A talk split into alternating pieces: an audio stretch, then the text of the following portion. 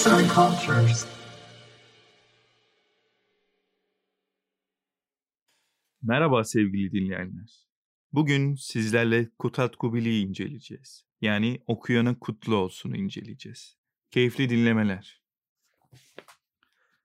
Kutat Kubilik bizim için gerçekten sonsuz övünülecek, tükenmez bir iç güç kaynağıdır.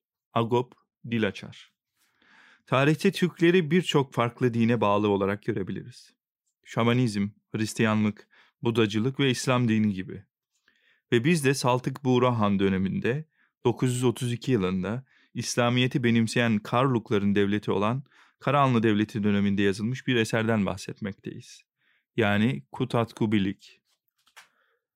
Kaşgarlılara sığınan Müslüman Sasanlı prens Nasır etkisiyle benimsenen İslam'dan önce buradaki Türklerin Burkan adıyla da geçen Budacı yani Burkancı oldukları bilinmekteydi.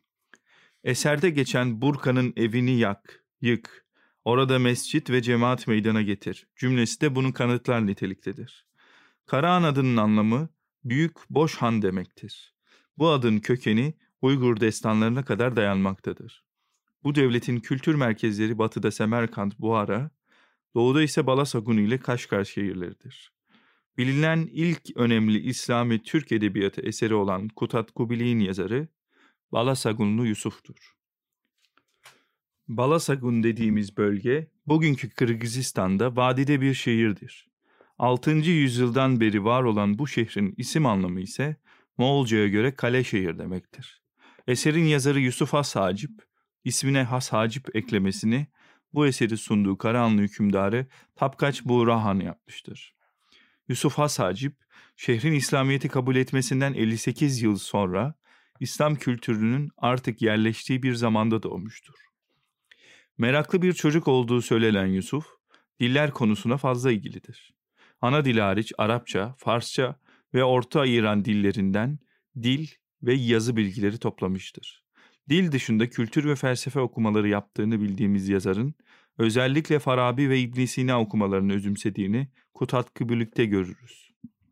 Balasagunlu Yusuf hakkında bildiğimiz en ilginç şey ise yaşlanmaktan oldukça çekindiği, hatta korktuğudur. 60'ına yaklaştığı yıllarda yazdığı bu eserde 30'un topladığını 50 geri aldı. 60 elini değdirirse ne yapacağım diyen yazarın vefatı ise o yaşlardadır. Az yemek hakkında bolca öğüt veren Yusuf'un mide hastalığı olduğu da tahmin edilmektedir. Peki Kutat Kubilik bize ne anlatır? Siyaset name niteliğinde olan bu eser aslında hem bir ütopya hem de pentname yani öğüt kitabıdır. Büyük bir felsefi birikimdir. Bir devlet yönetme bilgisidir. Müslüman filozofları okuduğunu ve üzümsediğini belirtmiştik.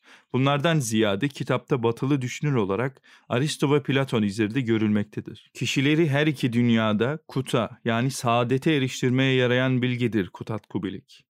Türk dil ve edebiyat dünyasının görülen ve bilinen en esli İslami birikimidir. Kut dediğimiz bu saadet Türk Altay mitolojisinde kutsal enerji, yaşam gücü olarak geçer. Türk devlet geleneğinde ise Tanrı tarafından hükümdara ülke yönetme yetkisinin verilmesidir. Üstün güçten gönderilen berekettir, anlamdır kut. Ön söz bulunmayan bu eser öğütlerle donatılmıştır. Bünyesinde bolca atasözü bulunan eserin dili Türkçedir. Yani zamanın Karahanlı Türkçesi. Örün süt bile kirse edgü kılık, ölüm tutmagınca övürmez yoruk. Eğer iyilik ananın ak sütüyle insanın özüne girerse, o ölünceye kadar yolunu şaşırmaz. Bu kitabın Viyana, Kahire ve Fergana olmak üzere üç nüshası vardır. Viyana Uygur harfleriyle yazılmış olup ortaya ilk çıkanıdır. Kahire ve Fergana Arap harfleriyle yazılmıştır. Fakat en yetkin olan nüsa Fergana'dır. Sonradan iki kez ön söz eklenmiştir ve kelime çoğunluğu Farsça olduğundan Semerkant'ta eklendiği düşünülmektedir. Kutat Kubilik bize sunacaklarını dört kişinin diyalogları aracılığıyla sunar. Yapısı senaryoyu andırır. Bu bakımdan ilk tiyatro eserimizdir bile diyebiliriz. Bahsettiğimiz bu dört kişi, doğruluğu temsil eden Kün Doktu yani gün doğdu, Kut'u temsil eden vezir Ayt oldu yani dolunay, anlayışı temsil eden vezirin oğlu Ögdülmüş, övülmüş, hayatı ve ölümü temsil eden Ogdurmuş yani uyanmış. Tek amaç için bu kitapta toplanmışlardır.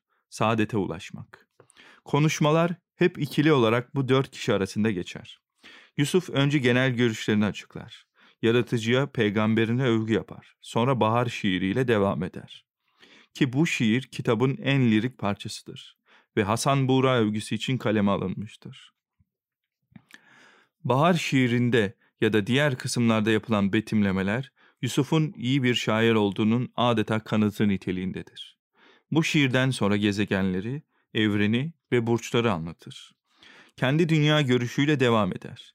Bilgi, dil ve iyilik üzerinde çok duran Yusuf için bunlar belki de hayatta en önemli bulduğu üç yargıdır. Ona göre bilgi her şeyden üstündür. Varlıktır, erdemdir, güçtür ve dil de bilginin aktarıcısıdır. İnsanoğluna verilen en değerli hediyedir. Ukuş körkü til ol, bu til körkü söz, kişi körkü yüz ol, bu yüz körkü köz. Aklın süsü dildir, dilin süsü söz. İnsanın süsü yüzdür, yüzün süsü göz. Yusuf'a göre uzanıp iki dünyayı, burasını ve ahireti elinde tutan bir yapıttır. Kişi yeryüzündeyken bu iki dünyayı elinde tutarsa kutuya erişir. Bunların sonrasında ise kitabı karakterleri takdim ederek devam eden, yaşlılıktan haz etmeyen şair şunu da unutmaz. Ey genç! Gençliğini boş geçirme, faydalan, çabuk geçer. Doğruluk yolundan şaşma. Ve asıl hikaye başlar. Küngtog adında bir bey, kendisini doğru yasa adamı olarak görür ve öyledir de. İyiye hizmet eden iyi bir devlet adamıdır. Fakat tek başına çalışır. Uzak diyardan onun ününü duymuş olan, akıllı ve bilge ait olduğu yurdunu bırakıp yardım etme isteğiyle Küngdoglu'ya gelir ve saraya vezir olarak atanır. Burada bize sabrın ve nazik davranışın öğütü verilmektedir. Hizmet etmeyi erdem olarak gören ait oldu, kutu temsil ettiğini söyler. Ve saadeti yani kutu aya benzetir. Nasıl ayın sabit bir şekli yoksa, saadetin de yoktur. Sürekli şekil değiştirir. Sabırlı ve azimli olmayı öğüt olarak gösteren vezir, adını işte bu benzerlikten almıştır. Ve vezir hastalanır, yatağa düşer. Oğlu Ögdülmiş'i çağırır. Onu bir vasiyetle Küngtog diye emanet eder. Ben sana babalık edeyim, sen de bana oğul ol diyen Küngtog'du, onun yanına alır ve eğitir. Sorduğu sorulara verdiği cevaplardan oldukça etkilenen bey, Ögdülmüş'ü vezir yapar. Küngdog'du. İnsan anadan mı bilgin doğar, yoksa yaşı ilerledikçe mi öğrenir? Ögdülmüş. İnsan bilgisiz doğar ve yaşlandıkça öğrenir. Çalışmakla elde edilemeyen şey akıldır. Tanrı onu insanın hamuruna katar. İnsan akıldan başka bütün erdemleri öğrenir ve böylece bilgisi gelişir. İkisi arasında geçen diyaloglarda devlet nasıl yönetilmelidir sorusuna da bolca cevap vardır. Devlet ve halk ilişkisi üzerinde oldukça çok durulmuştur. Olaylar böyle devam ederken bey vezirine yardımcı olacak birini çağırmasını söyler. Vezir de akrabası Ogdürmüş'ü ister fakat o kendini ibadete vermiş bir zahittir. Dağda inzivaya çekilmiş olan Ogdürmüş'e beyin mektubunu götürür Ögdürmüş. Bilgisiz ibadet olmaz gel ve bilgilen diyerek onu şehre çağırırlar.